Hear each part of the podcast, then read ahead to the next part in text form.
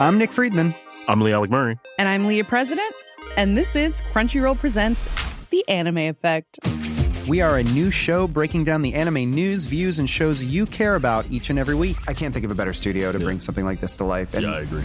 We're covering all the classics. if I don't know a lot about Godzilla, which I do, but I'm trying to pretend that I don't right now. Hold it in, hold on. And our current faves. Luffy must have his due.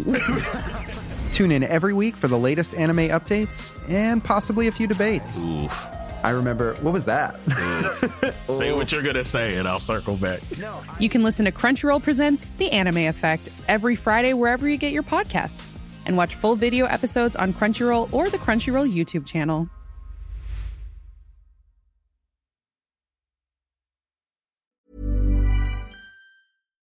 Nej men vad är det för dag idag? Jo, det är nyansdag. Hur bra kan det bli? Det kan inte bli så mycket bättre än så här, inte om ni frågar mig i alla fall. Eh, vi ska köra ett nytt spännande fall. Jag kommer vara otroligt elak i det här avsnittet, har jag en känsla av. Jag kommer ha svårt att hålla mig. Ni kommer snart förstå varför. Och ni lyssnar så som vanligt på mig, Paula. Mig Hanna. Och mig, Kajan. Då har vi inspelningen igång. Så eh, ja, åklagaren kan väl börja ställa frågor. Det här är Nyans, feministisk true crime med Kajan, Hanna och Paula. Nej men alltså det här är så cringe. Alltså det är det jag känner. Det här är liksom... Nej men det här är så... Allt med det här är så jävla cringe Ja. alltså. Jag får, jag får, alltså jag får rysningar, riktigt skämskudde direkt liksom. Och vi har inte, ens börjat läsa domen. Nej. Eh, Alltså jag, fick, jag satt med, när jag lyssnade på ljudupptagningar från rätten som jag brukar göra, sitter och stickar, brukar vara en ganska trevlig upplevelse. Eller intressant i alla fall, beroende på vad det handlar om. Men det här var så, och jag menar då har man lyssnat på liksom ingående detaljer om diverse mord och vo, alltså våld, vidrigheter som man ändå varit så här, okej det här är intressant. Det här fallet satt jag och bara, jag vet inte om jag klarar det här. Här går visst min Nej. gräns. Ja, nej men det, det är ju det jag säger. Alltså när jag läste den här domen, alltså det, jag, skäm, alltså det var som, jag, jag skämdes så mycket. Ja. det här när vi har pratat med barn som far illa, djur som far illa, och styckmord och så vidare. Vissa av de fallen vi har pratat har ju varit fruktansvärt jobbigt känslomässigt att prata om. Just för att det är liksom det, det, det grövsta av saker man kan göra mot andra Mm. människor. Men det här är jobbigt på något annat plan. Alltså det, det är något primalt. Ja, det är under skinnet. Nej, men alltså- bara knyter sig. det, det är Ja, naglar mot griffeltavla. Det är den. Ja, den men det är cringe. Det är som att titta på sexscener med ens föräldrar. Alltså det är pinsamt. Det var bara så här, man bara åh, vart ska jag titta? Ja, Alltså, det är verkligen ska jag så. låtsas som ingenting? Jag vet inte. Ja, man önskar att man kunde bara stänga av och slippa. Ja. Gud vad det... Ja, nej. Och nu tänkte jag så Ska här... vi Jag känner att vi introducera? igång Jag tänkte så här, kanske ska, ja. Ja, men jag tänkte så här, gud vad roligt, alla kommer sitta och gissa vad det är. Men folk har ju sett rubriken på avsnittet. Ni vet Ja, ju ja. redan att det är Mr la la la la la la mått vi ska prata om. Det är ju redan Mm. out there.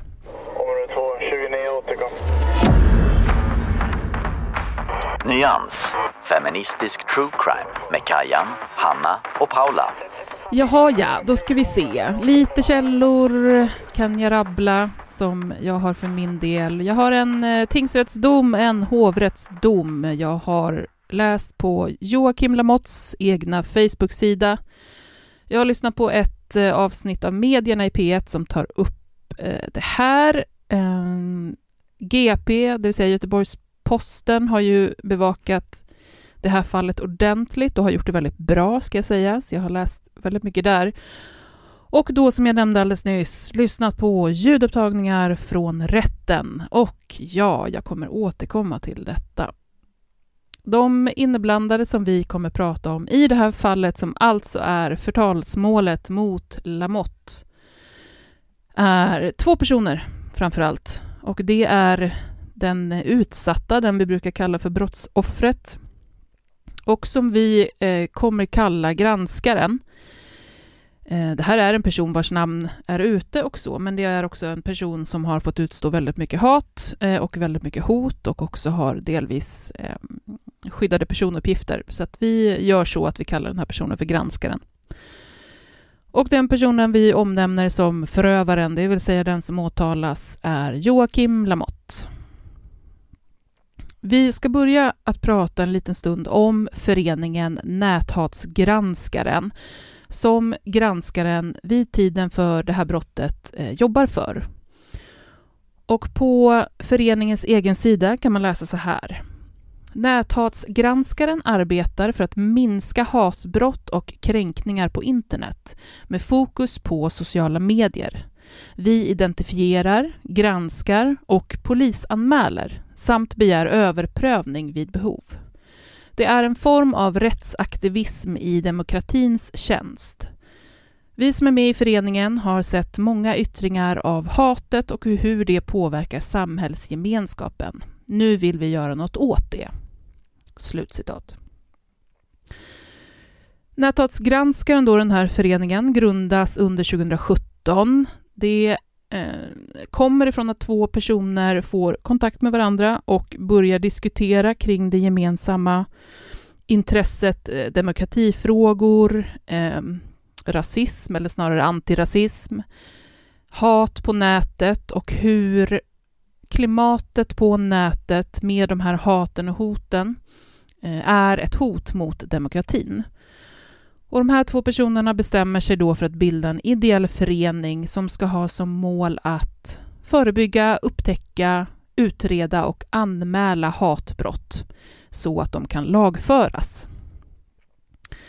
Eh, och det är väldigt mycket hets mot folkgrupp och brotten där runt som man liksom fokuserar på. Och man rör sig då runt i kommentarsfält och inlägg och sådär på sociala medier framför allt. Det är flera personer med och arbetar med föreningen. Några avlönat, men de flesta på ideell basis. Den som arbetar heltid med det här arbetet är granskaren. Och han är också den enda som får en fast eh, månadslön för det. Det finns andra personer som också får ersättning för sitt arbete, men då eh, på timmar. Föreningen får också ersättning från Myndigheten för ungdoms och civilsamhällefrågor. Och det får man under åren 2017, 2018 och 2019. De här, den här ersättningen uppgår under de här tre åren, den här perioden, till en summa som då tillsammans uppgår till 2 131 000 kronor. Och det är pengar som alltså går till föreningens verksamhet. Så föreningen gör helt enkelt ganska många anmälningar utifrån de fall av brott som de hittar då på framförallt sociala medier. Under 2017 så gör näthatsgranskarna till exempel 800 polisanmälningar. Man arbetar även med lite andra saker, lite föreläsningsverksamhet. Man arbetar också med att författa rapporter om hatbrott på nätet, bland annat eh, en för Polismyndigheten. Och den här personen, granskaren då, är tillsammans med föreningens ordförande eh, de två personer som mest frekvent får uttala sig i media om föreningens jobb och de här frågorna som föreningen sysslar med. Och granskaren kommer att bli den person som oftast ses representera föreningen i, i media. Så när media har några frågor om det som eh, föreningen gör eller vill prata med någon liksom utifrån en expertroll när det kommer till den här typen av hatbrott på nätet så, så är det granskaren som ofta syns. Hösten 2018 så rapporterar medier eh, generellt om hur apotekspersonal larmat om hur de utsätts för rasism på jobbet. Och i den här rapporteringen så intervjuas ju många personer, men bland annat granskaren. Och han intervjuas i SVT i ett nyhetsinslag. Kort efter det här har sänts på TV så skriver Joakim Lamotte sitt första inlägg om granskaren. Joakim Lamotte han är utbildad journalist. Han har jobbat en del på Eh, SVT bland annat sen tidigare. Han brukar oftast prata om att han har jobbat för Uppdrag granskning. Men sedan 2015 så har han arbetat som, eh, ja, hans eget citat, oberoende journalist. Och det betyder att han själv på sin Facebook-sida, som är hans plattform, producerar och sprider sånt som han själv kallar för granskningar och eh, reportage och som då finansieras av de egna följarnas Swish-donationer. Ämnena som han skriver om rör ofta kriminalitet och integration, gärna de här två i kombination med varandra. Men eh, när man läser på Wikipedia så står det också så här. Under 2019 var enligt en granskning av krönikören Andreas Magnusson mer än hälften av inläggen kritik av personer som kritiserat Lamotte, medan färre än en tiondel rimligen kunde beskrivas som journalistik. Slutcitat. Okej, okay, så Lamotte har sett medias rapportering om de här apotekarna och han har sett granskaren uttala sig. Det han gör då är att han skriver ett Facebook-inlägg.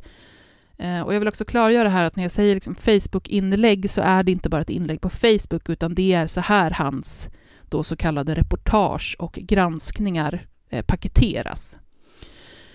Så han skriver ett inlägg på Facebook som han då menar är en granskning och han skriver om att SVT genom att granskaren får uttala sig i det här nyhetsinslaget citat gör reklam för djurplågare som han då alltså anklagar den här namngivne granskaren för att vara. Och eh, Lamotte skriver om granskaren som den som eh, driver organisationen Näthatsgranskarna och i det långa inlägget så upprepar han de här anklagelserna om djurplågeri upprepade gånger. Dagen efter kommer ett nytt inlägg där samma anklagelser fortsätter att figurera, men där Lamotte också skriver andra nedsättande formuleringar om granskaren. Lamotte menar nämligen att han har suttit en hel dag i telefon med olika personer som har känt eller har jobbat med granskaren.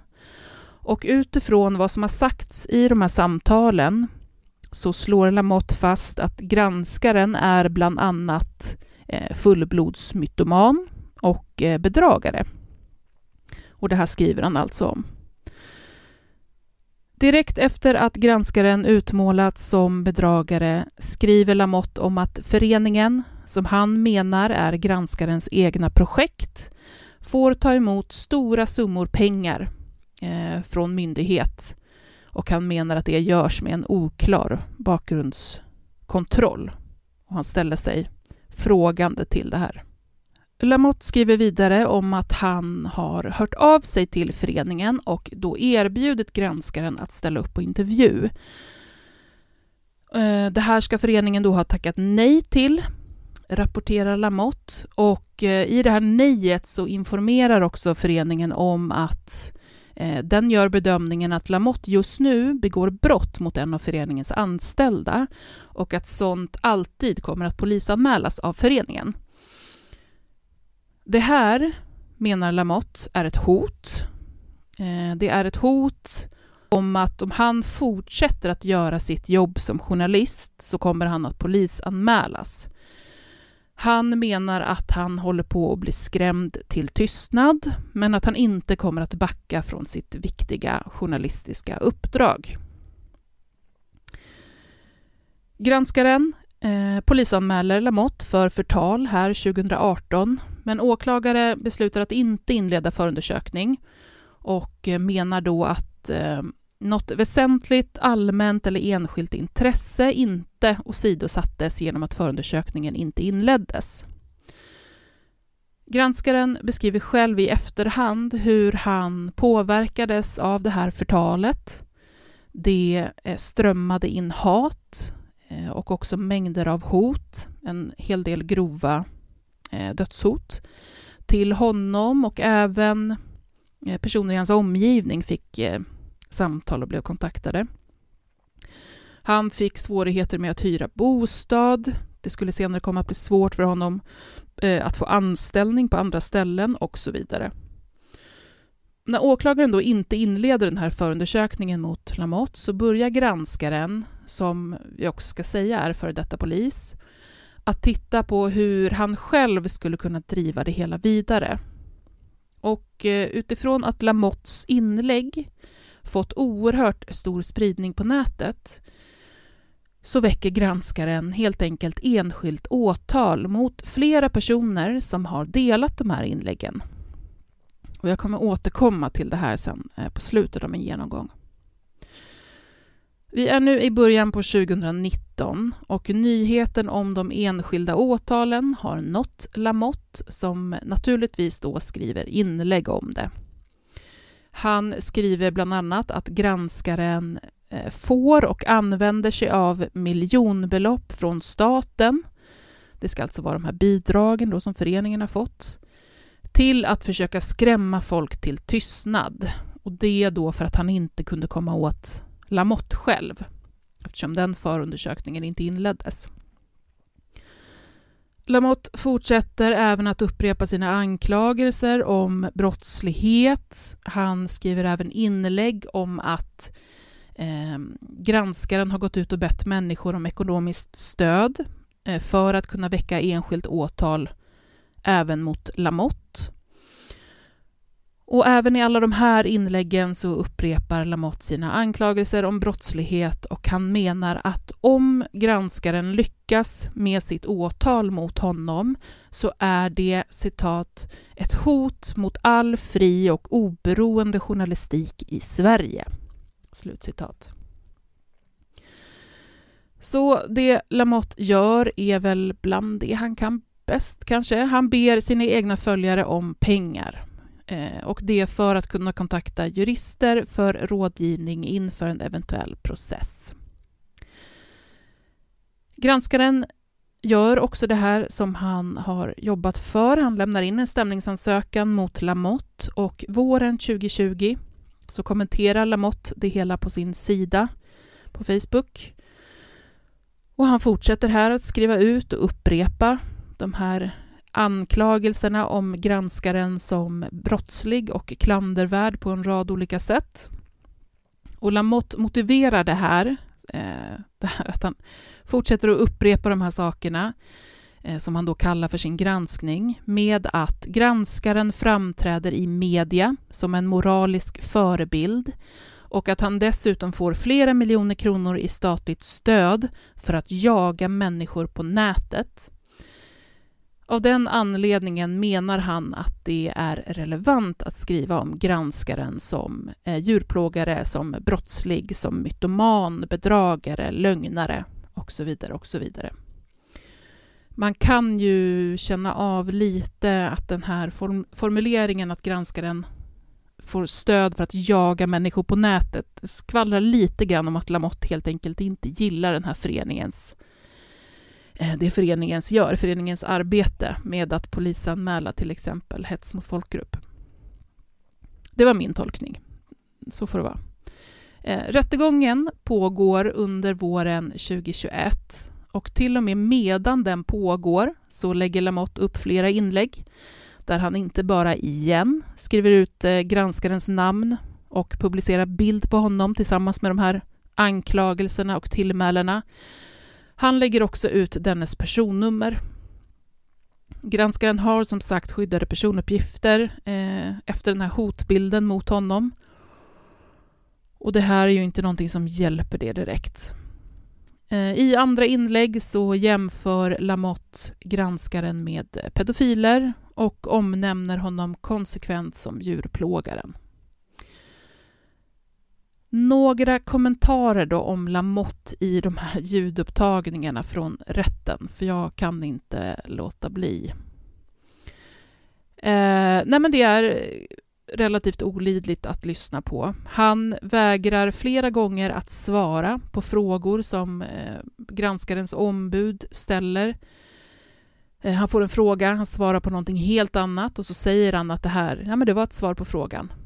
Och ombudet säger okej, okay, ska, jag, ska jag ställa frågan igen eller vill du bara fortsätta vägra svara på den? Och så provar han att ställa den igen och så får han samma svar och så där fortsätter det.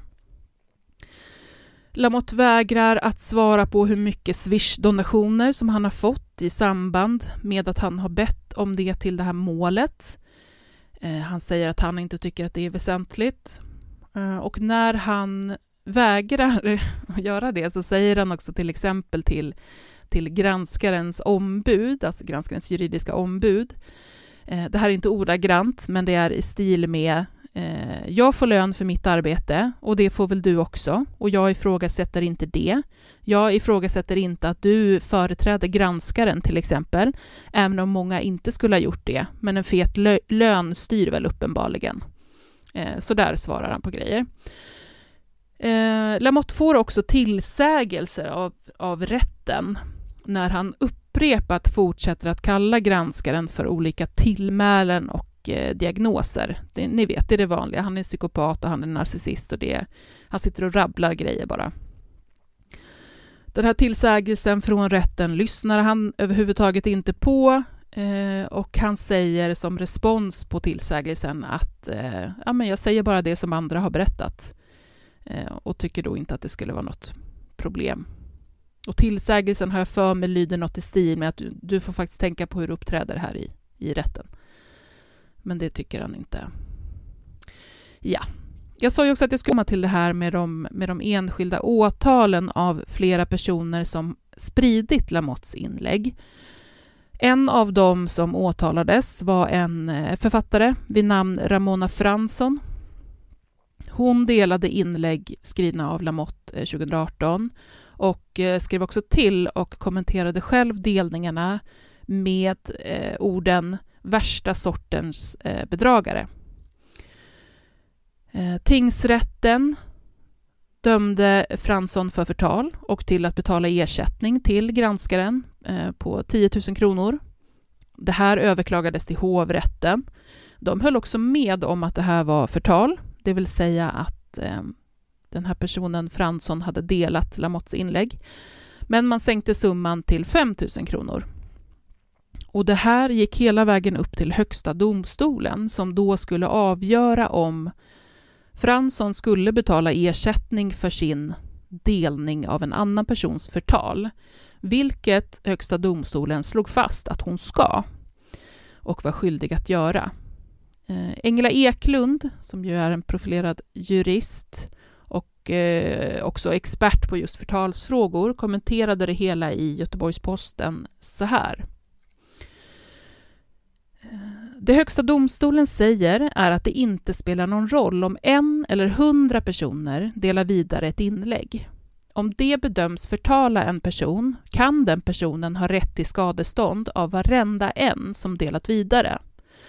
Det den här domen belyser är att inte bara den som ursprungligen sprider förtalsuppgifter kan göra sig skyldig till förtal, utan också de som bara sprider vidare. Det är intressant därför att det är så vanligt på internet att man delar vidare saker man läser. Um, Hanna ska få ta oss igenom tings och hovrättsdomarna, men jag ska bara avsluta med att eh, läsa de här meningarna från eh, GPs bevakning av fallet. Och meningarna är så här. Förtalsmål avgörs i två steg. Först bedöms om det varit försvarligt att sprida nedvärderande uppgifter om en viss person. Därefter om uppgifterna kan anses vara sanna eller inte. Slut på citat. Eh, så helt enkelt, och det här kommer ju Hanna gå in på, vi kommer diskutera det också, vi har pratat om det förr, men jag tänker att det tåls att upprepas massa gånger helt enkelt om man stannar på det första steget och inte bedömer att spridandet varit försvarligt så går man alltså inte vidare till steg två och då är det alltså helt ovidkommande ifall uppgifterna varit sanna eller inte. Och det här har vi diskuterat i podden flera gånger eh, i, när vi har varit inne på förtalsmål generellt men också när vi har varit inne på det här mm, från metoo. Men som sagt, det kan inte upprepas tillräckligt många gånger. Förtal kan du alltså dömas till eh, eller dömas för, helt oavsett om det du säger är falskt eller om det du säger är sant. Eh, jag gissar att du, Hanna, också kommer säga det här några gånger. Eh, jag, jag, jag hade det som så här första, första inledande del skulle jag prata inte, om utan det. säg det igen. Men jag känner, nej men det är väldigt bra, det är, väldigt, det är bra att vi liksom ändå slår fast det från början. Jag tänkte att jag ska läsa eh, lagtexten kring förtal också, för jag tycker det är, det är ändå ganska tydligt. Område 2, 29 återkom. Nyans, feministisk true crime med Kajan, Hanna och Paula. Område 2, 29 återkom. Nyans, feministisk true crime med Kajan, Hanna och Paula. För förtal döms enligt femte kapitlet, första paragrafen brottsbalken. Den som utpekar någon som brottslig eller klandervärd i sitt levnadssätt eller eljest lämnar uppgift som är ägnad att utsätta denna för andras missaktning. Uppgiftslämnandet leder dock inte till straffansvar om det är försvarligt att lämna uppgiften och om uppgiftslämnaren kan visa att uppgifterna var sann eller att han eller hon hade skälig grund för det. Så det är den här sista slutklämmen där som, som Kajan var inne på. Um, och här kan man väl också bara säga att just bara liksom fästa er uppmärksamhet vid några saker. Man säger ibland bland annat det här med lämnar uppgift. Och med det så är det en upp, det måste också röra sig om en uppgift. Eh, när det kommer till så här ägnad att utsätta denna för andras missaktning. Och allt är inte en uppgift. Så till exempel så här rena värde, liksom rena omdömen är inte uppgifter. Till exempel om man säger så här, ehm, ja men du är ful. Den här personen är så jävla ful. Det är inte, det är, det är ingen uppgift, det är bara att personen, det är, det är en liksom Det kan vara en åsikt. förolämpning. Eh, Det finns ju ett bra, Ja, det kan vara en förolämpning. ja. Jag Men- tänkte, det finns ju ett bra exempel i själva domen också på att eh, när Lamotte skriver att granskaren är eh, notorisk mytoman Mm, så är det inte en uppgift. Det är ett värdeomdöme. ja ja, men precis. Eh, tingsrätten kommer ju fram till att det, han döms ju för det i tingsrätten, men sen tycker hovrätten att ah, ja, eh, det, det är inte det. En till grej med förtal är att man kan bara förtala människor, inte företag eh, som huvudregel. Sen kan det ju vara lite det här när, när det är någon som äger Kalles korvfabrik och det blir någonstans någon slags mismatch mellan vem Kalle och korvfabriken är. Eh, ni, ni fattar grejen. Nu lät det jätteäckligt, kände jag direkt. Kalle är ful. Eh, otroligt dåligt exempel. Ehm, ja.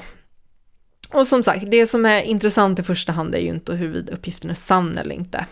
Eh, och bara för att något är sant så får man inte eh, säga det vitt och brett hur som helst. Men jag tänker så här, vi, vi går direkt in på, på det här fallet. Jag hade skrivit en massa om enskilt åtal, men jag kände att jag redan pratat men om det- det. Jag ska bara hitta det. det? Det är väl jättebra med, för jag har ju bara sagt att det var enskilt åtal, men inte liksom... Ja, nej men, ja, nej men just, det är ju ganska ovanligt med enskilt åtal, men när, när det används så, så min upplevelse är i alla fall att det är just i de här förtalsmålen framför allt. Och det är ju på grund av att det krävs en hel del för att eh, en åklagare ska få driva det. Och då är det ju bland annat det här väsentligt allmänintresse. Eh, eller att, eller liksom att det finns ett, ett eget intresse som är så ja, men allvarligt eh, för att en åklagare ska driva det.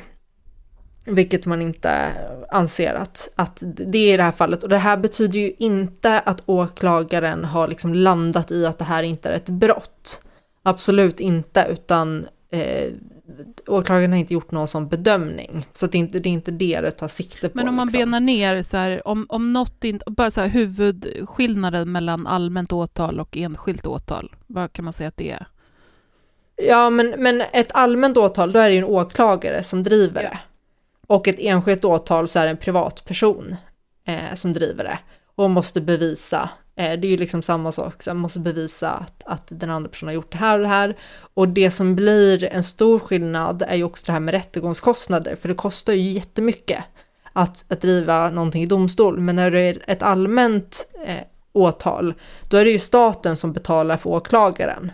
Men ska du driva någonting själv och då måste du anlita ett juridiskt ombud som ska hjälpa dig och då blir det ju snabbt väldigt, väldigt dyrt.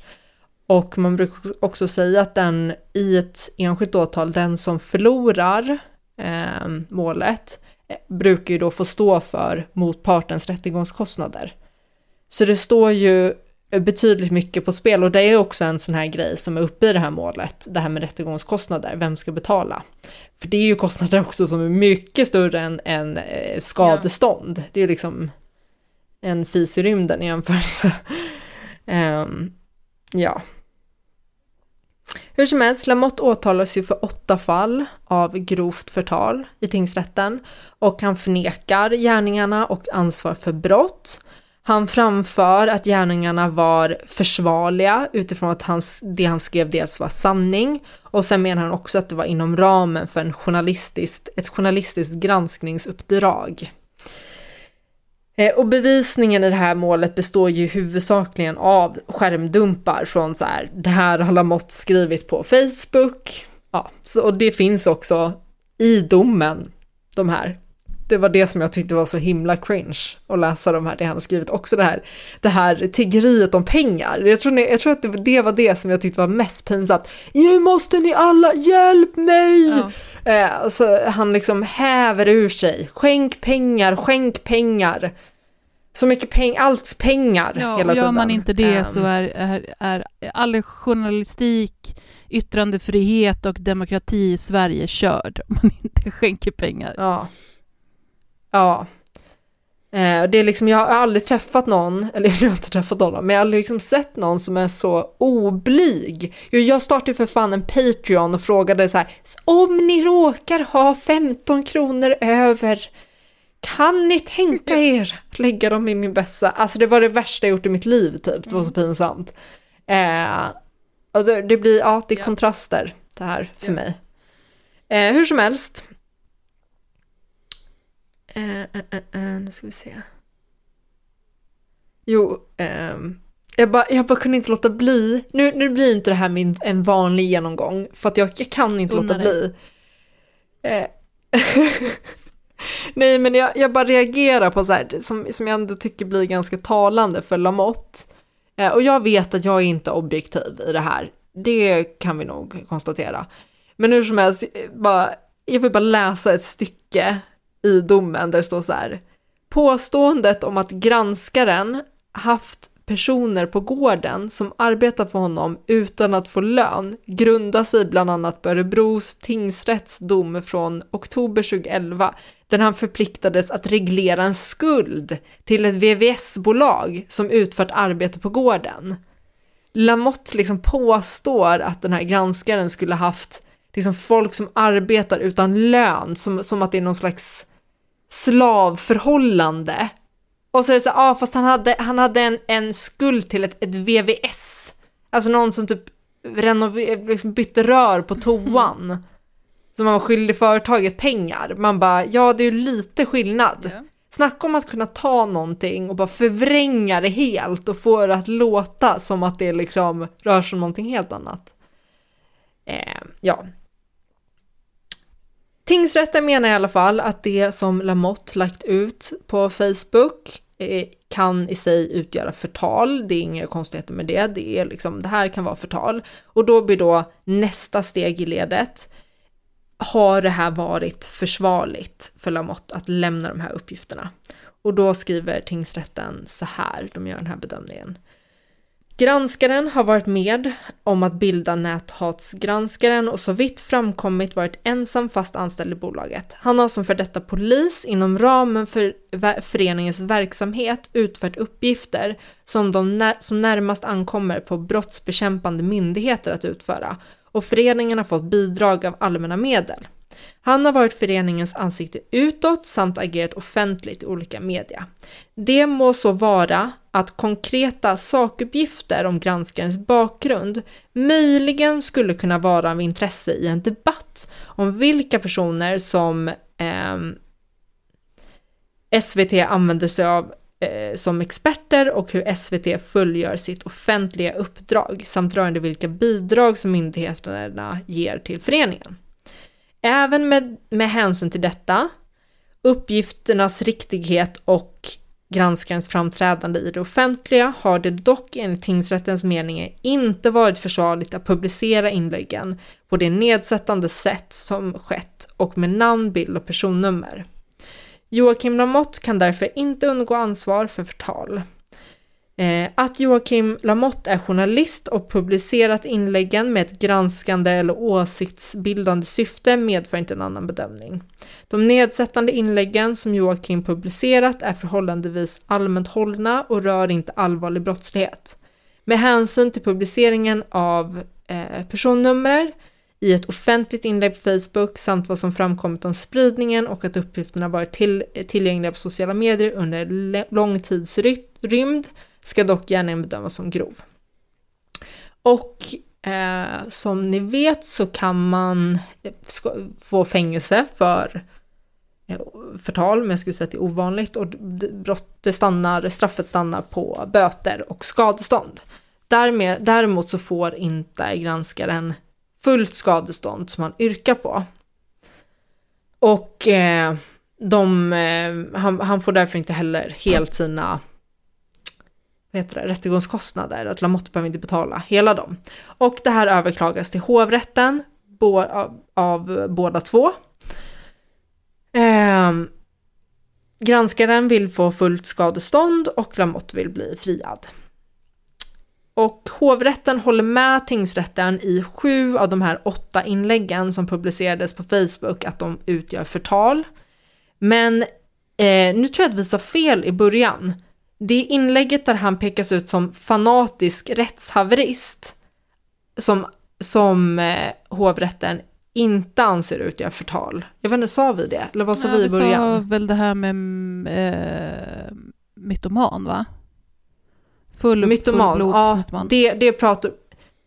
Ja, de, de diskuterar att det är en värdering, eh, men just det här med fanatisk rättshaverist, eh, tar, där tar hovrätten upp att det är en värdering och det är ingen uppgift som du, du kan inte kolla upp i något register för att se, är det här, även om visst man kanske, ja, ja, men det är ju inte. tyckande, det finns ju liksom eh. inget rätt eller fel på Nej, men, eh, men jag, jag, jag, kan tänka mig att vissa myndighetspersoner har en mental lista över rättshaverister, hur som helst. Säkert. Jag har för mig att det med mytoman-grejen så resonerar väl hovrätten att eh, det är ihop med kontexten. Ja, exakt. Gör att det fortfarande blir, alltså den posten är fortfarande ett. Ja, i helheten. För att det skrivs i helheten. Ja. Men bara mytoman-biten utgör inte förtal. Nej, hade han bara skrivit det, då hade det inte blivit, men som du säger, i, i helheten så, så blir det. Men de tar i alla fall upp det. Men hur som helst, fanatisk rättshaverist tycker hovrätten att, ja okej då, det kan du få kalla honom.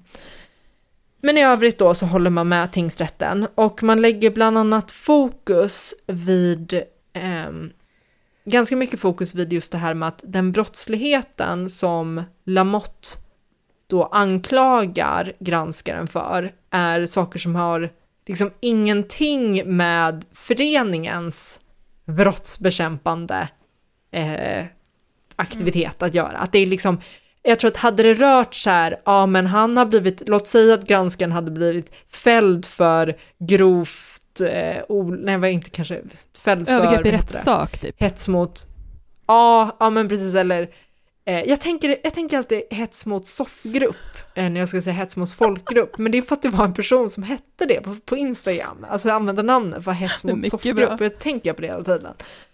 Ja, hets mot soffgrupp, eh, hade det varit det, liksom han anklagade honom för, den typen av brottslighet, då kanske man hade tänkt att ja, men det är ändå relevant för den liksom, branschen han är i, men det här var så skilt att det, det liksom, ja, ta bort det därifrån. Eh, och han får dubbelt skadestånd eh, i, jag tror inte han fick fullt ut, men han fick mer skadestånd i hovrätten i alla fall. Och behövde betala mindre av rättegångskostnaderna. Ja, de dubbla, var det, från 20 till 40 000? 20 till 40 000, ja. Men han vann inte fullt ut. Jag tror att han ville ha mer. Men nu jag Jo, lite han ville ha mer. Det var något egentligen. 70-80 har jag för mig. Något där uppe. Ja, vilket betyder att han ändå förlorade. Jag tror att han, de ting, eh, hovrätten kom fram till att han förlorade en femtedel i målet. Ja. Så att fyra Mm. femtedelar fick Lamotte stå för, så fick han betala för en femtedel. Eh, Så det, det ska bli intressant att se om det här, någon kommer försöka få upp det till, till eh, Högsta domstolen, men det nej, tror jag inte. jag, av vad, eh, jag såg att Lamotte hade skrivit om det. Jag vet inte vad det så, skulle vara. Nej, han säger väl själv att det är lagen som är så korrupt och fel så att det skulle ändå inte ge någonting. Ja, nej han kan det, Mm. det är ju la- såklart i lagen. Ja. Hur som helst, det var... Om man vill lära sig lite om förtal så var det en rätt eh, bra Mm. dom, tyckte jag, att läsa. Område 2, 29 återkom. Nyans. Feministisk true crime med Kajan, Hanna och Paula. Okej. Eh, jag, jag får nog säga att jag håller med. Eller håller med, det är klart. Jag har inte så jävla mycket val. Lagen är vad lagen är. Men eh, just det här resonemanget ändå som, som hovrätten har kring relevansen, så att säga. Att hade det varit så att näthatsgranskaren, eh, eller ja, granskaren, ehm, själv hade varit dömd för till exempel hets mot folkgrupp så hade det kunnat varit mer relevant utifrån att kritisera SVT, vilka de har som Mm. experter, grej att här sitter näthatsgranskarens eh, anställda och pratar om näthat och själv blivit dömd för det och det är jättekonstigt. Det, det hade man liksom kunnat köpa någonstans som en journalist i granskningen då. Mm. Det hyckleriet Men- liksom i det. Ja, exakt. Det hade kunnat vara relevant. Men i det här fallet när det handlar om någonting helt annorlunda och dessutom typ tio år gamla grejer. Eh, vissa av de här sakerna som, som han ska anklagas för. Eh, att då komma med det och bara titta här, SVT har inte kollat jättemånga år bakåt ifall det finns någonting negativt om den här personen. Bah, fan vad dåligt. Och det, och det hade också funnits en grej. Även om jag hade tyckt att Lambert var fortfarande lika fel ute eh, i ett sånt typ av inlägg, så ett sånt inlägg hade han kanske kunnat komma Mm. undan med. Att det handlade om att granska vad SVT använder sig av för experter. Men när det sen blir ett till inlägg och ett till inlägg och ett till inlägg och där han lägger till saker för varje inlägg för att göra det lite, lite värre och lite, lite värre och det dessutom blir mer och mer av typen jag har hört Ja, ja, att. rakt av. Men man det, hetsar. Det, det, det vittnas hetsar. om. Ja. Ja. när det blir det här hetsandet. Och att han liksom kör med de här nedsättande epiteten och, och liksom beter sig, Ja, så att säga.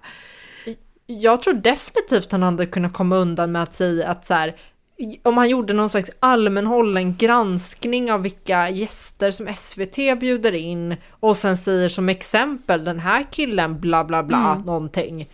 Eh, Och sen inget mer med det. det. Jag tror att han hade kunnat komma undan med det. Men det här är ju, det här är ju ett hetsande mot den här personen. Där man lägger ut personnummer. Alltså det, det finns Nej, nej. ingen anledning till det annat än att nu ska jag se till att göra ditt liv Och det hemskt. hade varit den journalistiska hållningen. Är man intresserad av och tycker att ja, men, eh, jag ser ett problem med hur public service väldigt okritiskt använder sig av expertröster Mm. som har skelett i garderoben på olika sätt, för det tycker jag att de har. Eh, och det, då tycker jag att har man skelett i garderoben, moraliskt eller juridiskt eller vad det nu är, då tycker inte jag att man ska få prata i public service. Om, det, om man tycker att det är en rimlig hållning, vilket det inte är, men om man tycker det, då hade man tagit så här, okej, här har jag ett exempel, vad kan jag göra på det här? Då är det utgångspunkten.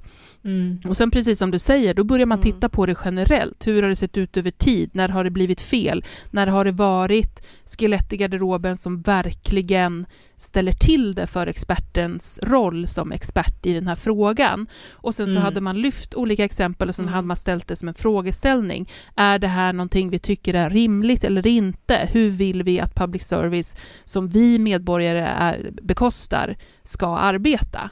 Så hade man liksom gjort en Mm. granskning. Det här svartmålandet och som dessutom är inlägg på inlägg som består av att jag har pratat i telefon med personer som säger sig känna den här personen och de har minsann berättat det här och det här. Alltså rent skvaller.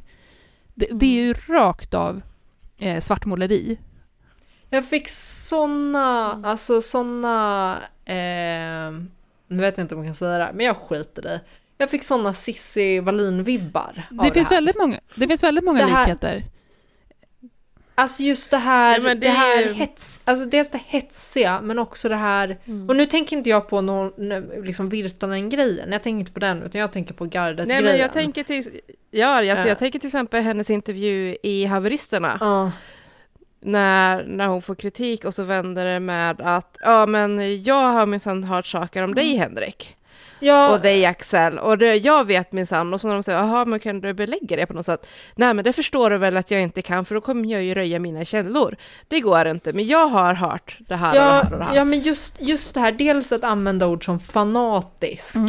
fanatisk rättshaverist, det är väldigt Cissi Wallin tycker jag. Eh, men, men sen just, just som du säger det här, jag, jag har pratat med, med eh, någon granne, Mm. alltså du vet det där, jag har hört den här, alltså Men också det här som jag studsar mest Mm. på, eh, som är väldigt lika i de här, hur de här två eh, offentliga opinionsbildarna hanterar saker, är just att om du som följer mig inte går in och stöttar mig med allt, i mig, i just mitt enskilda fall, med allt eh, du har, då, då är du med och ser till att, ja, inte vet jag, kvinnor generellt, in, demokratin, Demokratin faller, faller. eller feminismen faller eller vad det nu må vara. Just hur man gör sin egen väldigt snäva eh, sak till allmängiltig, vilket sätter människor i ett, Det- ett, i ja. ett, ett gisslantagande där man gör så här, om du nu inte går in och ger mig pengar eller eh, delar mina grejer eller eh, stöttar mig eller vad det nu må Mm. vara, eh, då stöttar du inte feminismen. Eller då stöttar du inte demokratin där- eller yttrandefriheten. Det är eh, väldigt lika strategier. Mm. Ja, men den där strategin tycker jag alldeles för många har tagit vid eller tagit efter på Mm. sociala medier. Alltså jag hade kunnat räkna upp tio feministiska influencers som, som kör på den Mm. grejen. Eh, jag tycker det är Det är ett, förfärligt. gisslan, ett gisslantagande. Mm. Ja, Ja men det är, alltså de har ju samma typ av taktik vid kritik också. mm. Alltså när, när Lamotte får kritik, vilket han ju ändå får rätt mycket för att han inte är så jävla duktig på att vara skribent. Eh, då, är, då är ju det också liksom det här lite samma. Ja, nej men nu får jag kritik för att den som kritiserar mig vill tysta Ja. det fria ordet. Medans jag vet en lång rad med feministiska influencers som blir lite så här, ja nej men om du kritiserar mig så är det för att du vill att barn ska bli Mm. våldtagna eller för att du är emot feminismen eller whatever liksom. Och man bara, nej, det är bara för att du är dum i huvudet och inte fattar Nej, men det. alltså, eh, Joakim Lamotte är en det. katastrofalt kass journalist. Och bara sättet som han pratar Mm. om journalistiskt uppdrag, vad man ska göra, vad en granskning är, eh, allmän intresse, eh, hur han motiverar sina saker som att, i, och i rätten, i ett förtalsmål, motiverar det med ja men det är ju sant. Visar att du, du är så dålig på ditt jobb. Det är förkastligt dåligt. Jag skiter fullständigt i Joakim Lamotte som person. Jag har liksom noll intresse av att ens go there. Men som journalist är det ett haveri Mm. utan dess like. Men jag blev ändå förvånad över för att jag såg, han, han har ju en journalistutbildning. Jo, men det är ingen... Ja. Gick han inte på föreläsningarna eller vad hände? Jag fattar ingen- det inte. finns rötägg överallt. Nej, men det finns ju folk som är, inte vet jag, Mm. det finns ju läkare som är kassa på sitt jobb. Av olika anledningar. Ja, ja, det Bara att han kunde läsa sig igenom betyder ju inte att han Nej, men man, är passande för yrket eller att han egentligen bry sig om vad han lärde sig så här i efterhand. Nej, eller har förmågan att, till, att tillämpa inte. det man lär sig. Men jag tänker ju mer att han har säkert förmågan, men det här är ju mycket mer lukrativt. Mm. Mm. Han är ju inte kor- alltså han, han, det han har gjort, eller det han gör, är ju eh, uppenbarligen någonting som funkar för honom. För att han får ju traction, han får ju jättemånga, jättemånga följare, jättemycket pengar, alltså, eller jättemycket pengar vet inte, men man får ju sådana swish-donationer. Jo, det han- Det är ju liksom, han har väl, jag vet det fanns väl någon, eh, någon hade väl kollat på hur mycket han fick ut av det, men det är ju någonting, det jo, funkar det funkar ju, för men det honom. betyder ju inte att det är bra journalistik för det. Eller att Nej, nej verkligen inte, men jag Nej, tänker nej, han nej. skiter Ja, i. Det är det jag tänker. Jag tänker att han inte gör det för att han vill göra en bra journalistik, utan han har andra drivkrafter. han sig själv. Och då om man, så att det är inte att han inte, alltså jag, jag tänker att det är inte att han inte fattar att det här är inte är bra journalistik. Det gör han säkert. Men han skiter i, för han tycker att det här är Jag viktigare. vet inte fan om man fattar det alltså. Ja, ja, men det handlar ju om... Ja, men jag tror, om man tänker när, när han så att säga slog igenom så var ju det när han skrev ett blogginlägg från de här allra första kravallerna med mycket bilbränder. Mm. När det var en stor grej för typ tio år sedan. Och, ehm, och han då skrev liksom vittnesmål om hur eh, unga killar fick betalt för att tända eld på bilar så att ägarna sen skulle kunna kräva försäkringspengar på att de blev förstörda i, i kravallerna. Och sådär. Och, eh, och då var det ju liksom med folk åt vänster som delade och gjorde liksom att hans blogg fick en massa besökare och började bli uppmärksammat. Och då försökte han ju sig på någon form av bana som influencer åt vänsterhållet och in mot feminismen. Och skrev det här superpajiga inlägget bland annat om att han hade varit och sett på Alfons med sin dotter. Och därför blivit feminist. För Ja, att eh, alla Alfons. hade upptäckt, ja, för att han upptäckte hur dåligt Alfons, Alfons var. vill Nej, men inte leka det- med I Milla. den filmen så var Ung det, tjej. eh, för att det är Jag töntigt att leka med Alfons. tjejer. Vad är fel på Ja. Alfons? Nej men han kommer ju på sen Alfons på slutet liksom, att det är Ja. väl klart man kan leka med Milla ändå.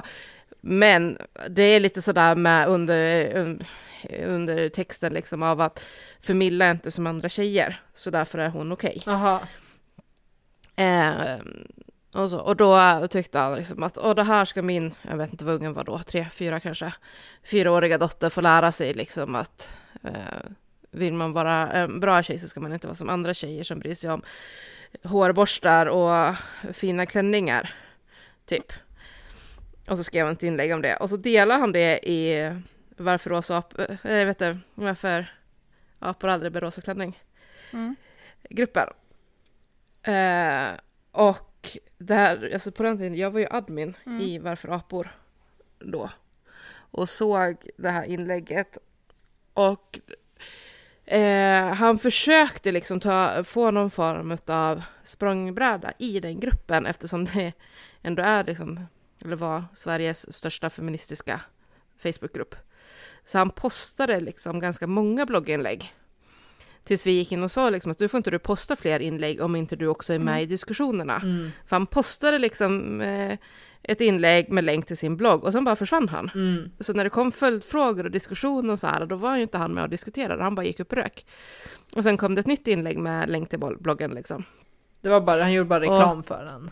Han gjorde bara reklam för den, så att det är liksom inte okej att du bara försöker göra reklam för bloggen, utan du måste vara med och diskutera också. Och då, och då kom det här Alfons Milla-inlägget. Och han försökte vara med och diskutera.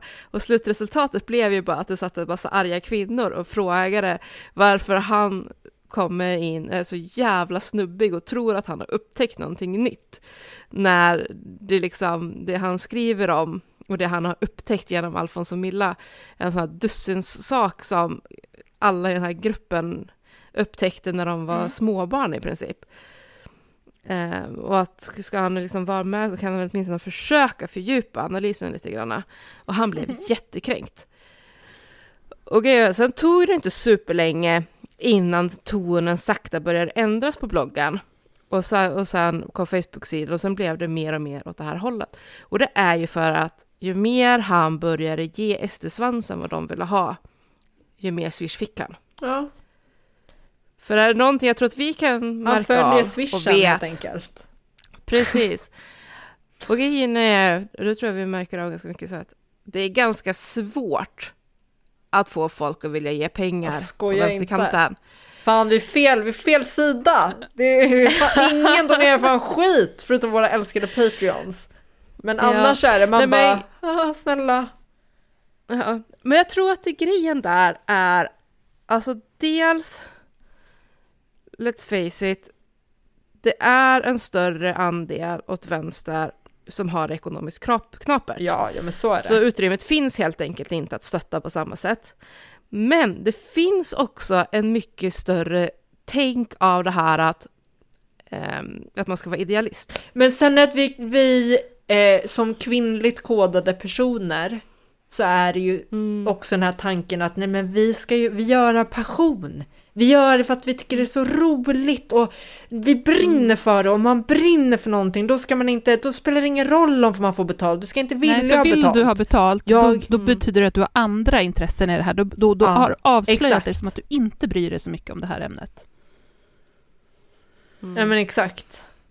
Ehm, Precis. Alltså, do not get me started Ja, på det ja, här är ämnet. man alltså, jag dessutom är då- så... Mm. Ja, nej men, eh, ja, nej men det här, eh, det, det, det är inte som att jag vill jobba 40 timmar i veckan på, på liksom, eh, det har ju blivit nu att jag har skitit i sociala medier i princip helt, för det går inte, jag kan inte eh, vara opinionsbildare och göra alla de här eh, förklaringarna för, om Sverigedemokraterna som ändå blir väldigt uppskattade. Eh, och liksom efterfrågade, jag kan inte göra allt det här efterfrågade materialet eh, nej. gratis. Liksom. Det är så. Mm. jag, ur, jag har varit urfattig, jag blir urfattig då. Det Nej. går inte. Nej. Nej men jag tycker det är ganska, alltså, även på min sån, jag har ju ett inlägg liksom om att jag fortfarande har kaffe. Och det tänker jag inte sluta med heller, även om det inte ger så mycket i månaden så täcker det åtminstone kostnaden för min Wordpress och sådär. Och, och det är ju liksom, där är ju också så här kommentarer liksom bara, "Ja, men du som är vänster, eh, då ska du kapitalisera på det här nu? Och man bara, nej men det finns ju omkostnader, alltså utöver att jag ändå liksom delar med mig av min kunskap gratis, så har jag ju omkostnader för det. Och, och det är liksom, och där kan jag känna så att när det gäller en, en arg man som sitter och skriker i en bil, så har folk av någon magisk anledning en förståelse för att han har omkostnader. Men alltså vadå om, det blir också så här, fast varför ska du bara få för dina omkostnader och inte få så att du kan Inte få för inte ditt behöva- arbete. Alltså att du kan använda arbetstid. Ja men precis, att du Mm. kan göra det som ett arbete och få en, så att du kan betala din hyra och köpa mat till dina barn. Det blir också det Nej, här, precis. Men Ja. grejen är liksom att nu är det ju knappt att, att folk går med på att det finns en omkostnad mm, som behöver täckas. Det, det är liksom inte ens den nivån man kan nå upp till, till att det finns faktiskt För kostnader i att göra Nej. det här. Eh, nej. Och sen utöver det så kommer allt Mm. gratisarbete som det är ganska skönt att kunna få lite, lite grann för i alla fall. Nu Men då. precis, Lamotte sitter i en Eh. bil och skriker och publicerar grejer på sin Facebook som kostar honom noll mm. Ja, och där kan folk ändå köpa att ja, men det är klart att han har omkostnader i form av telefonen, en dator, en mikrofon och sådana saker. Eh, som att inte vi har haft omkostnader. Eh, men, men sen också så att, ja, eftersom han var tvungen, det var han inte, men han hävdade ju det, att sluta jobba för SVT etc. Så eh, behöver ju han försörjas och då är det klart att han måste kunna få stöd för det. Och då eh, men hade vi gått ut och sagt liksom att nu jobbar inte vi med någonting annat, så därför behöver vi få stöd så att vi har råd att betala våra räkningar. Då hade ju bemötandet varit tough luck, fixa ett jobb. Ja men det hade varit, ja men vem tror Mm. du att du är? Vem tror du att det är? Jag fick ju frågan som sa så här, någon som skrev till mig, sen när blev sociala medier ett jobb? Sen när blev det ett jobb? Ja men sen när jag gjorde det till Sen- ett fucking jobb och lägger ner fan 40 Mm. timmar i veckan på det, då Sen du blev det ett jobb. använder mig som nyhetskanal, Ja, that's when. Ja, precis. Exakt. Och Jag, jag, jag känner ändå att jag vill brasklappa lite grann här nu för att det här inte alls är något sätt att försöka shamea folk att gå och bli Patreons eller stötta oss på Patreon Jag shamear. Jag shamear. Du shamear. Jag gör det inte. Men jag bara konstaterar liksom att det, det finns inom högern, framförallt kanske inte extremhögern, en mycket större förståelse för att cashen måste in. Ja men alltså... Och, det, och det hjälper till att bidra till de här grejerna, att, att någon som Lamotte, men även till exempel Katarina Janouch, gör den här glidningen. För det känns som att, så här, att alltså Lamotte till exempel, han står ju för fan inte för en tredjedel av vad han skriver tror jag. Men han skriver det som drar in pengar och sen skiter han i vad det får för konsekvenser. Men sen måste man också förstå, det är en till grej när det kommer till just det här om en eh, opinionsbildning på sociala medier. Är man opinionsbildare då kan du inte göra, eh, du, alltså det, det är betydligt svårare att göra influencersamarbeten. Du kan det, är liksom, det, där gör man ett val. Du kan inte dra in pengar, för, för jag tror att många tänker det, så, men du kan vi göra samarbeten, du, vi måste väl inte betala Mm, jag för- följer för jättemånga här, liksom, influencers som tjänsten. jag inte betalar. Du kan göra samarbete, men det går inte att göra samarbeten för företag vill inte associeras med någonting politiskt. Alltså jag har ju fått flera liksom folk som skrivit så här, ah, vi tycker du är jättebra och sånt där, men vi kan inte förknippa vårt företag med någon som är så vänster. Någon som har sådana politiskt, eh, liksom ty, alltså, uttryckt sina politiska åsikter så som du har gjort. Alltså jag har det svart på vitt när så här företag har dragit ur sig sista sekunden för att jag är för politisk. Så att det, det, är liksom, det har ett pris. Eh, Och ja, jag är lite bitter för att Men alltså Hanna, jag sitter ju det- tyst för att jag inte. är så fullkomligt bitter. Och jag kan, alltså just i podden i det här forumet ska jag säga att jag är, nu har inte jag varit aktiv på eh, mitt eget konto på Instagram eh, på några veckor. Och jag är ju precis så här i gränslandet med att antingen kastar jag skiten åt helvete och känner mig på riktigt helt fine med det efter snart tio år av gratisarbete. Eh, eller så får jag gå ut och börja kräva att ska ni, nu har ni fått som sagt tio år av mig gratis har ni liksom fått äta på mig och jag har varit konstant tillgänglig för precis allting. Om det är så som så många av er skriver, att jag har hjälpt er så mycket och det är så viktigt det jag gör, då får ni börja hjälpa mig också, så att jag kan leva. För att det här går inte. Ja, ja, men jag, ja, men precis för att jag tror också att folk tror att det, är, att det här endast är någon slags självförhärligande på något sätt. Jag, liksom, visst, det finns, jag, jag brinner för det. Jag, I stunder tycker jag att det är jättekul och engagerande och jag mår bra utav det. Men det är ju också, det tar oerhört mycket tid att skriva de här, att läsa på all den här informationen. Att liksom, och det är ju att jag vill ge, jag vill ju någonting som liksom, jag vill ju ge någonting bra. Men Eller fattar ni vad jag jobb, menar? Det är ju inte... Och, och just, just det här också att det, det, det finns en efterfrågan. Som du säger, folk skriver att åh du har hjälpt mig så mycket, åh, du har, och det gör mig jätteglad. Det, det finns inget som gör mig så glad som när någon säger att det jag gjort har hjälpt dem så mycket.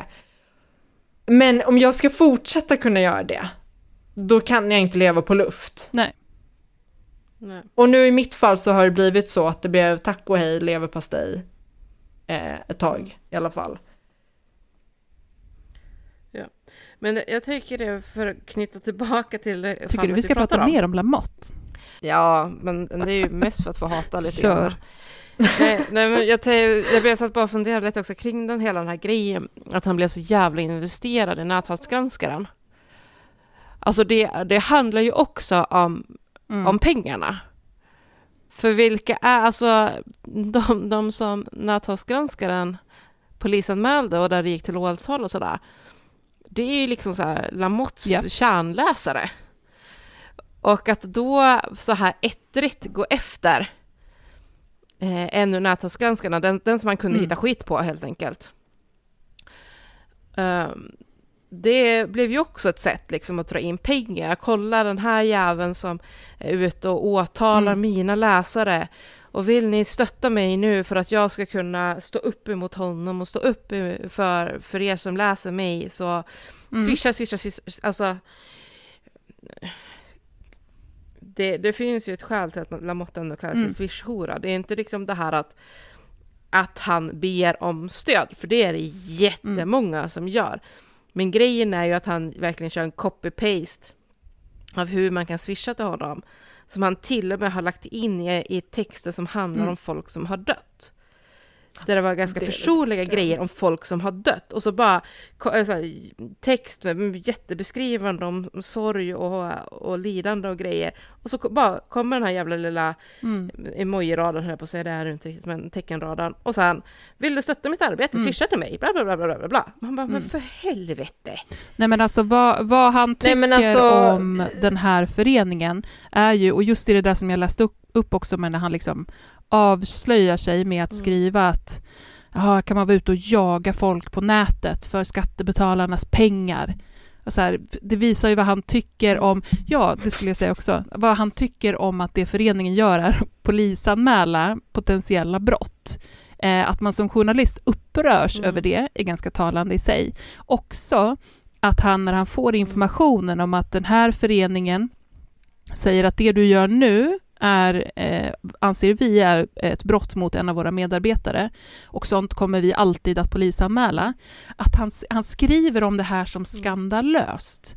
Eh, att han, för han menar att han är hotad. Alltså ingen seriös person som tycker som på riktigt är för så här, yttrandefrihet, demokrati, på, med en djup förståelse av vad det är, tycker att det är någonting dåligt att, att eh, föreningar liksom polisanmäler sånt man tycker är brottsligt. Alltså skulle någon säga till mig så om du fortsätter göra så här kommer jag polisanmäla dig. Ja, jättebra, gör det. Det är kanon. Så får ju rättsväsendet Ja, kolla alltså- på det. Alltså grejen är ju... Ja, och grejen är ju att på ett sätt så gör ju han samma sak själv sen när han sitter och gör de här olika insamlingarna för att betala vissa av de andra förtalsdömdas skadestånd, men också nu då för att samla in för sina egna omkostnader kring de här grejerna. Alltså att, att näthavsgranskaren sitter och säger bara, "Nej, men det här ser vi, det här skulle kunna vara potentiellt brott och därför Mm. kommer vi att polisanmäla det. Det är liksom helt inom demokratins spelregler. Då är det betydligt mer tveksamt att säga den här personen har begått ett brott. Och, det, och vi tycker att det är dumt att den här personen åker Ja. fast för det brottet. Så därför tänker vi se till att den personen inte behöver ja, få Mm. sitt straff egentligen. Nej. Och sen, sen finns det väl mer eller mindre rimliga, alltså jag förstår ju å andra sidan till viss del, typ förtalskassan, som ju också gjorde samma sak, samla in pengar för att betala skadestånd för kvinnor som blev dömda för förtal eh, efter metoo. Eh, det finns ju också, eh, heter det? Eh, för, förbundet för plankare, jag kommer inte Ja, på vad det heter nu, skitsamma. Som, som har insamlingar och eh, medlemskapsavgifter och grejer för att sen kunna betala böter som folk får när de har plankat på kollektivtrafiken. Så det finns ju mycket sådana här kring en form av civil, civil olydnad. Men då är ju också det rimliga att kunna förklara varför den här civila olydnaden fyller en funktion. Vad är det man vill uppnå? Och det har Sluta inte Lamotte. kring det. Nej men alltså det är ingenting, sätt. det finns ingenting, rim, alltså ingenting rimligt. Förutom att då hans eh, swish-horeri känner jag just nu, för just nu är jag fan team, team eh, Mhm. swish-hora i Det här. Eh, för att jag är bitter just nu. Eh, men det kommer släppa så småningom. Och då kanske jag inte tycker så längre. Men just nu. Jag gav, det, jag gav det till svar på någon gnällspik på min eh, Instagram att all, alla är vi horor i kapitalismens Åh, det bordell. såg jag. Älskade det. Ja, det, det, det var så bra. Det var väldigt bra. Ja men så är det. Eh, det var en dag där jag var så jävla trött på allt och alla och så får man den kommentaren och bara men du, Ja. ta dig. Jag ska bara börja svara så, ta dig, ta allt. Så här, copy-paste, jag ska göra snabb, vad heter det när man har så här, snabbt inlagt. Jag behöver bara trycka på en knapp. Mm. Det går ju att ha det på Instagram på DM eh, om man har företagskonto, snabbsvar. Ska jag ha det bara ta dig? Nej för fan, jag, jag älskar ändå mina, alltså vi, typ 99% av mina DM blir jag jätteglad av. Ehm, Men för de, den där en procenten, då kan du ha en, ett snabbsvar, ta dig, och ett, vi alla horor i kapitalismens Ja. modell. Så kan jag välja mellan Trycker man in det mesta. summerar allt. Eh, Område 2, 29 återkom. Nyans. Feministisk true crime med Kajan, Hanna och Paula. Men just det, nu kom jag på vad fan det var för snackis jag ville ha. Vi kan ju inte släppa vårt favorithatobjekt när vi ändå har ett avsnitt om ett annat favorithatobjekt. Dumpen. Det har kommit en del artiklar, eh, bland annat i DN. AI-fejkade nakenbilder sprids på skolor. Djupt problematiskt. Det här är en TT-notis som jag tror har varit med i Expressen. Eh, med bara några klick kläs personer av. De fejkade nakenbilderna kan sedan spridas via sociala medier. Det finns en stor risk att det används bland ungdomar för att kränka eller utpressa, säger forskaren Kristina Hunell Berntsson. Och kopplingen här nu då till Dumpen, det är att Dumpen har varit mycket, mycket stolta över att de lurar eh, de här predatorerna på nätet genom att de använder AI-genererade fejkade barnporrbilder. just det. Eller hur du säger, fejkade då övergreppsbilder på barn. Och då tänker jag också så här, utifrån att, att folk inte verkar fatta hur saker och ting funkar, så tar vi lite crash course i hur det funkar när AI genererar fejkade bilder. Och det är helt enkelt att man har matat in tiotusentals bilder, ibland hundratusentals bilder, i en sån här då AI-motor. Och så talar man om för AI att nu vill jag ha typ ett naket barn. Då tuggar den igenom alla bilder som den har på barn och eventuellt då på nakna barn. Och så genererar den ihop någonting utifrån det.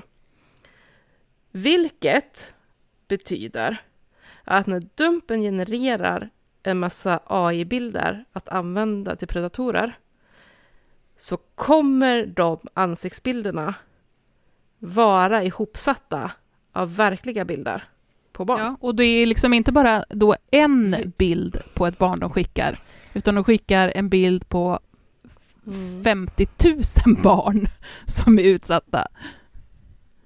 Jättebra grej att vara stolt Alltså jag har ju över. typ noll koll på, på hur det där funkar. Alltså själva Nej. tekniken. Resultatet, ja, resultatet här, nu det här medger jag, många kommer säga att ja, men det här är långsökt och risken att det här kommer hända är jätteliten. Men det är inte en obefintlig risk. Risken med det är ju att de lyckas generera en bild, fejkad, som ändå är lik någon verklig ungdom Men det är väl inte så som osannolikt? kan hamna, det är inte Hur som sen hur- kan hamna i händerna på någon som tycker att åh, men det här barnet känner jag igen. Och börja använda de här bilderna då som utpressningsmedel mot det verkliga barnet. Det var jag som har... Precis det som händer nu. Jag har ju så dålig ansiktsigenkänning, jag tycker alla är jättelika.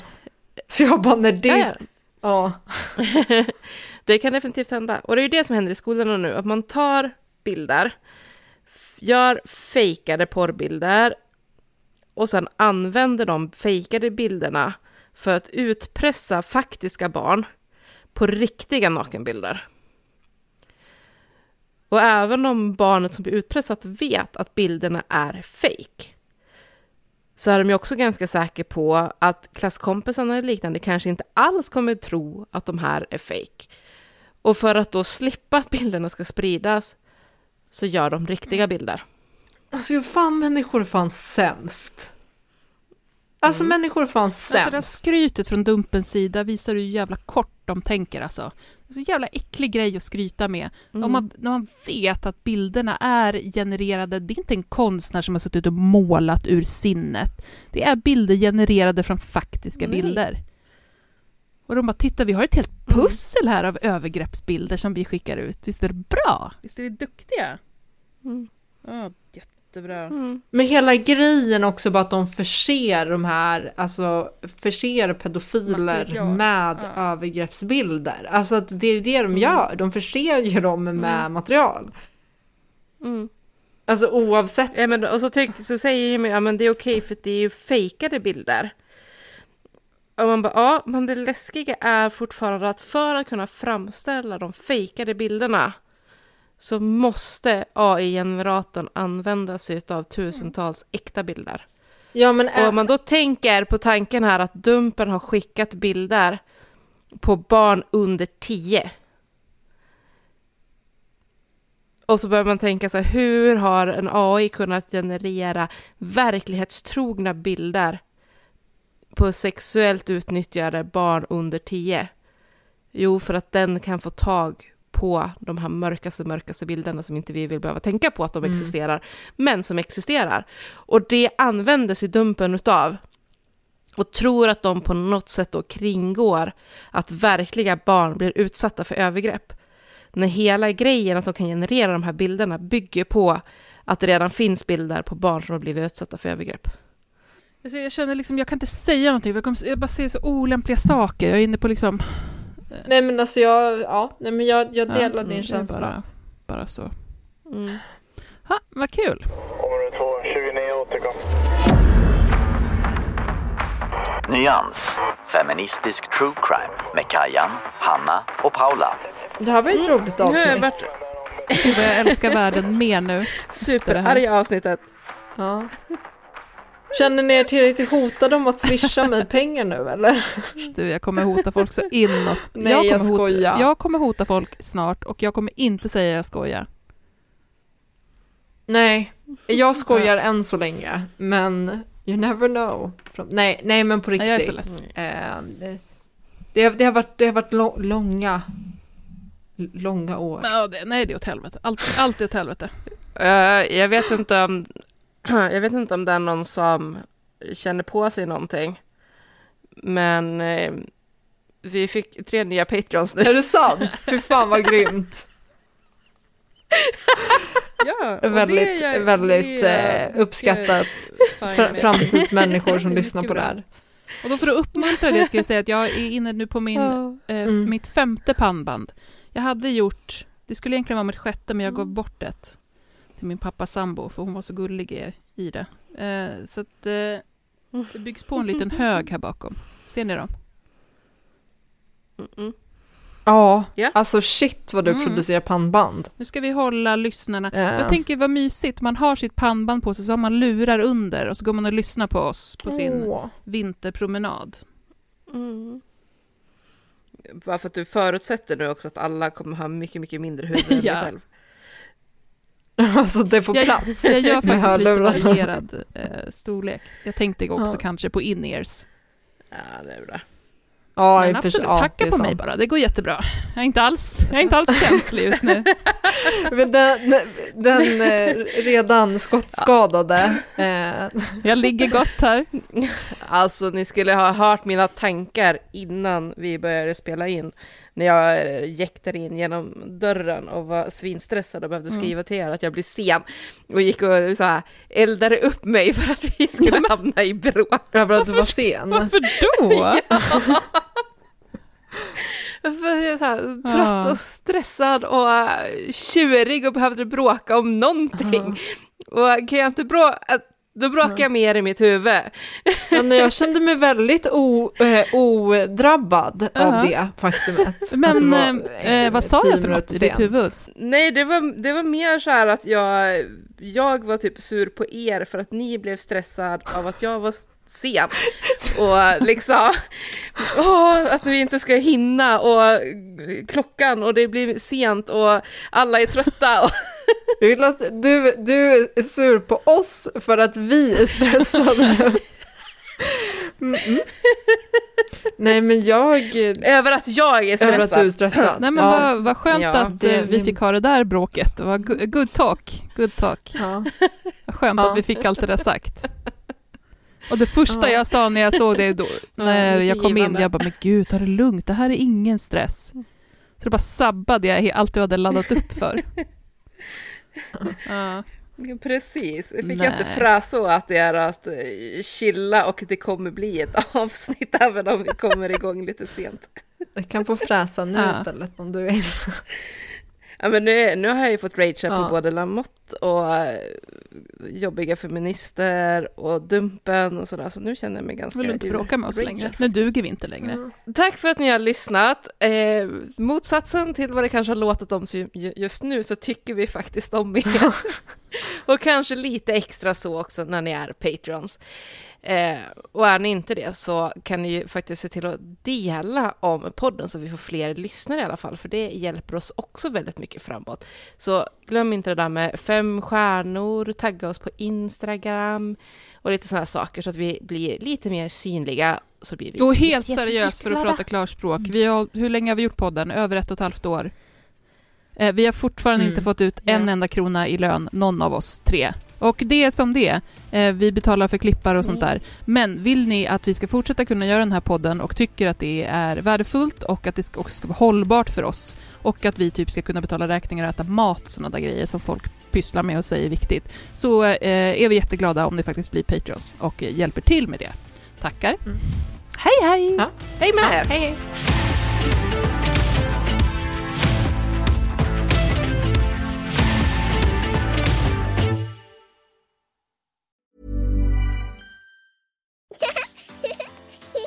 Too tired to clean your floors after playtime? Forgot to vacuum before your friends bring their little ones over? Let Eufy X10 Pro Omni help. Powerful 8000 PA suction removes debris, and MopMaster dual mop pads scrub away stubborn stains with ease. Save time and keep your floors cleaner. Want to know more? Go to eufy.com, that's EUFY.com, and discover X10 Pro Omni, the best in class all in one robot vacuum for only $799.